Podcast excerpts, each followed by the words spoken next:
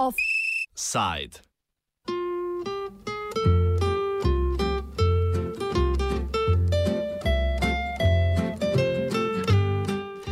Migranti v skrajni sredini.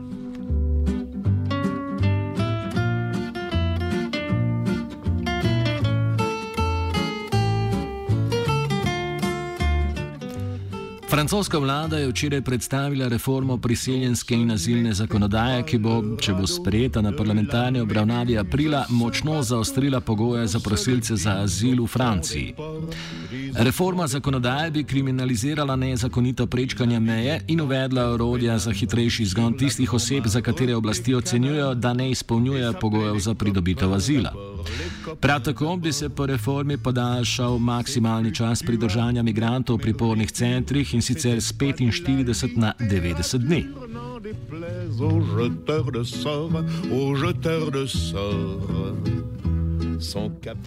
Vlada predlagano reformo temeljuje predvsem z njeno pravičnostno naravo, čež da bo slednja zagotovila bolj pravično obravnavo migrantov. To temeljuje predvsem z olajšanjem pogojev za pridobitev azila mladoletnih in s predvideno razpolovitvijo časa, ki ga oblasti potrebujejo za avtorizacijo prošen za azil. Notranji minister Žerak Kolom eh, je izpostavil, da naj bi bila prednost reforme prav v tem, da bo zaščitila tiste begunce, ki so upravičeni do azila, se pravi tiste, ki bežijo pred vojnami in represijo. C'était pas des anges non plus, l'évangile il l'avait pas lu, mais il s'aimait. Največ očitkov je predlog reforme deležen od francoskih nevladnih organizacij.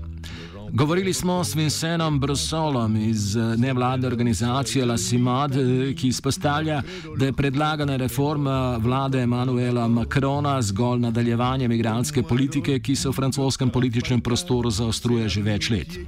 Bruselj vsebino zakona opiše tako.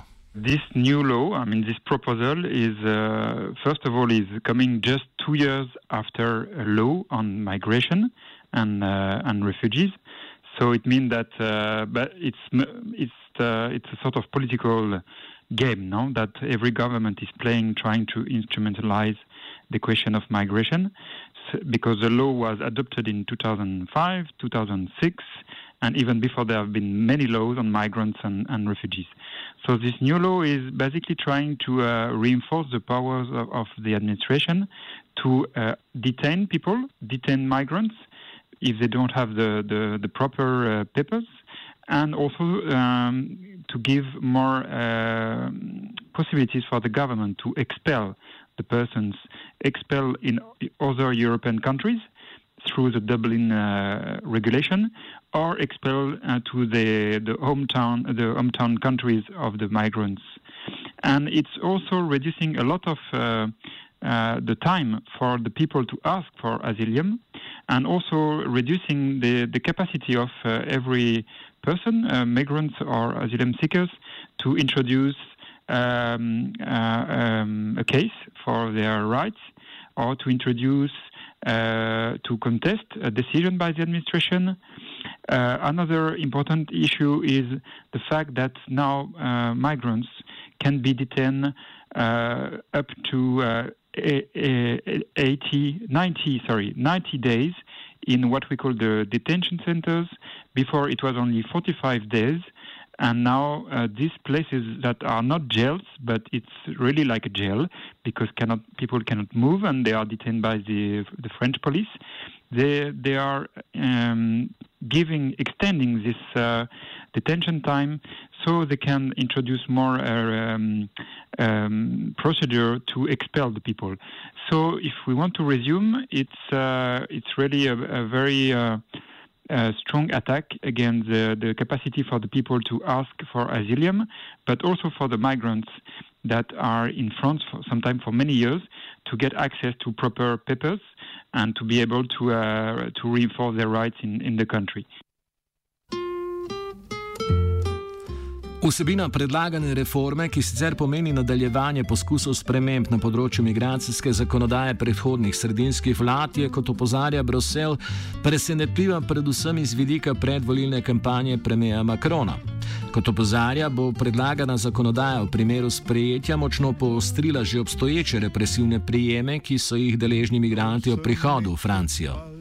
The policy is in some way uh, in continuity with uh, the previous uh, policies by uh, center left or right governments, especially with Nicolas Sarkozy, who was uh, was uh, one of the presidents who introduced a lot of restriction in the migrant law.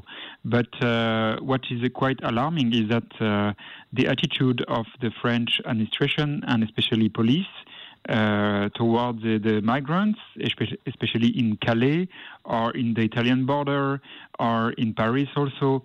There is a lot of harassment and violence and destruction of uh, belongings of the migrants. So this is some, something very shocking because uh, uh, at the beginning Emmanuel Macron was uh, introducing a sort of more progressist uh, attitude and, and so-called human, humanistic humanist perspective. But what we see on the on the field is completely the in contradiction, and this this law is in continuity but radically accelerating the capacity for the state to arrest, detain, uh, put under uh, house arrest, and expel migrants. Predlagana reforma trenutno ni deležna velike podpore strani tako levih kot desnih strank. Prve jo ocenjujejo kot pretirano represivno, medtem ko ji desne stranke očitajo hlapnost in popustljivost. Prav tako po predlogu reforme nasprotujejo tudi nekateri poslanci stranke Emanuela Macrona. Pri tem pa omenimo, da je predstavitev reforme v, v odgovor prejela proteste, katerih so se udeležili tudi zaposleni na francoskem uradu za zaščito beguncev, krajše OFPRA.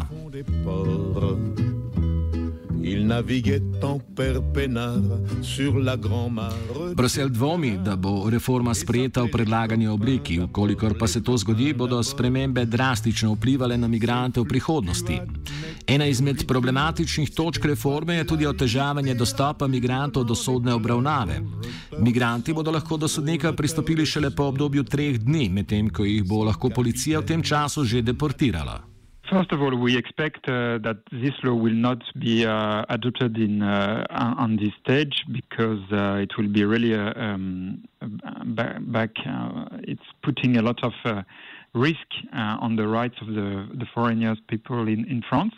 So we expect that at least some members of the parliament from the from uh, the opposition, but also from the party of uh, of Emmanuel Macron will uh, reject the, the, the harshest decision of proposal of this law. If it is adopted on, like that, it will put any foreigner that is not um, with a proper paper to be detained, to be put under house arrest, to be put in retention for at least uh, uh, 90 days, and to be expelled very brutally because they also reduce the capacity of the justice and the judges to uh, assist and to take uh, decision on cases of uh, of migrants. It means that, uh, uh, for example, uh, ju the judge that is able to say that if the people can be detained or not will only be um, accessible for the migrants after three days but it will be the time that the police already expel the people. So, in very practical way, this, this law is uh, really interfering in the capacity of the justice, the civil society, the lawyers, to uh, to get the rights of the migrants and refugees respected. So that's why it's very worrying. It's not just a philosophy; it's just that in the practical term, it will uh, really uh, put uh, the the practical rights of the people in in uh, in danger.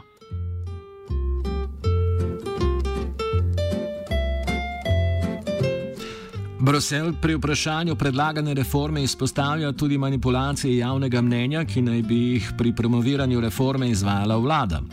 Tako pravi, vlada manipulira na dveh točkah. Prva je v povdarjanju razlik med ekonomskimi imigranti in begunci, druga pa v nedefiniranih obljubah dodatnih sredstev za imigrante, medtem ko zakon sam po sebi vsebuje večinoma le omejitve. The government is uh, is trying to manipulate the public opinion in making a, a, a, huge difference between refugees and migrants. What in fact is is a very artificial difference, no? And also what they are saying is that uh, they want to uh, the, defend the the asylum uh, rights uh, for the refugees, but uh, and to make a, difference with economical migrants. But in reducing the the capacity of the people to uh, request for asylum, they are just arming the the, the asylum rights. So um, it, it's a lot of um, uh, manipulation in the way they introduce the law, and, and they are they are mixing the fact that they will introduce new uh, um, resources for the migrants, but it's very not very clear at all. What we see is that in the law, in the law itself, most of the uh, uh, propositions are restrictive and not introducing improvements. So um, we, we really challenge the government on that. Now we are talking about the law, not all the communication thing they are doing, but we are, we want to talk about the law because it's what will uh, have an impact on the on the way the people can be uh, can be uh, introducing their rights in, in the country. Okolikor govorimo o spremembah na področju migranske politike v Franciji, pa se lahko stavimo še v severni Franciji, natančneje v mestu Calais. Tam velja za zbirno točko tistih migrantov, ki nameravajo pot nadaljevati proti Veliki Britaniji.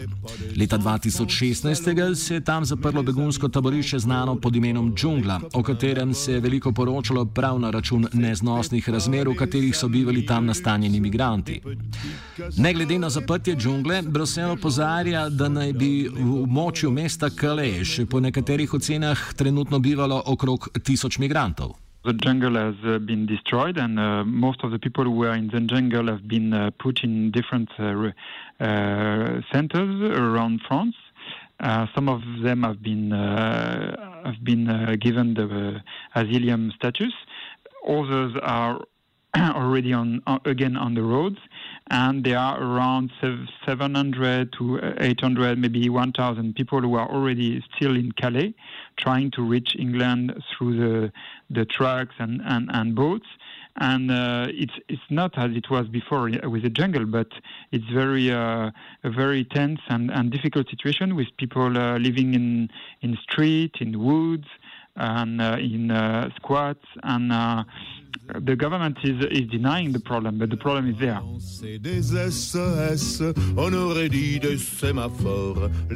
Bruselj izpostavlja, da lahko v Franciji na področju integracije imigrantov izpostavimo tudi številne pozitivne plati.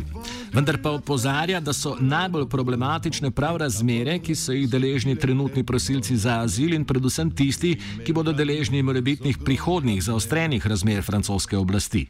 There, there are positive positive things, of course, like uh, the fact that um, um, several dozens of thousands of people are getting access to uh, asylum and protection by the state with uh, uh, centers for refugees and rights and, and so on. That's the, the positive side.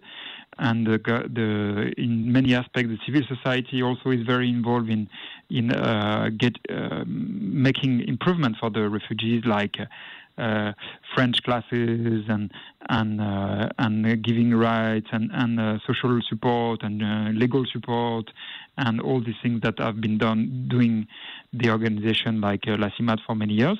And at the same time, it's very shocking how the government is treating the migrants, especially the people who are arriving now at the border with Italy, but also in Calais, with a lot of harassment and uh, denying their rights even to to to uh, introduce a case of asylum. Uh, there is a very uh, urgent situation with uh, the young people who are sometimes traveling alone that have been denied the access to protection. So. Um, it, it's uh, it's clearly a, a, government that is based on a sort of so-called pragmatical approach are are really uh, introducing new uh, sort of uh, state harassment and state denial of rights. Offside je pripravil Žiga.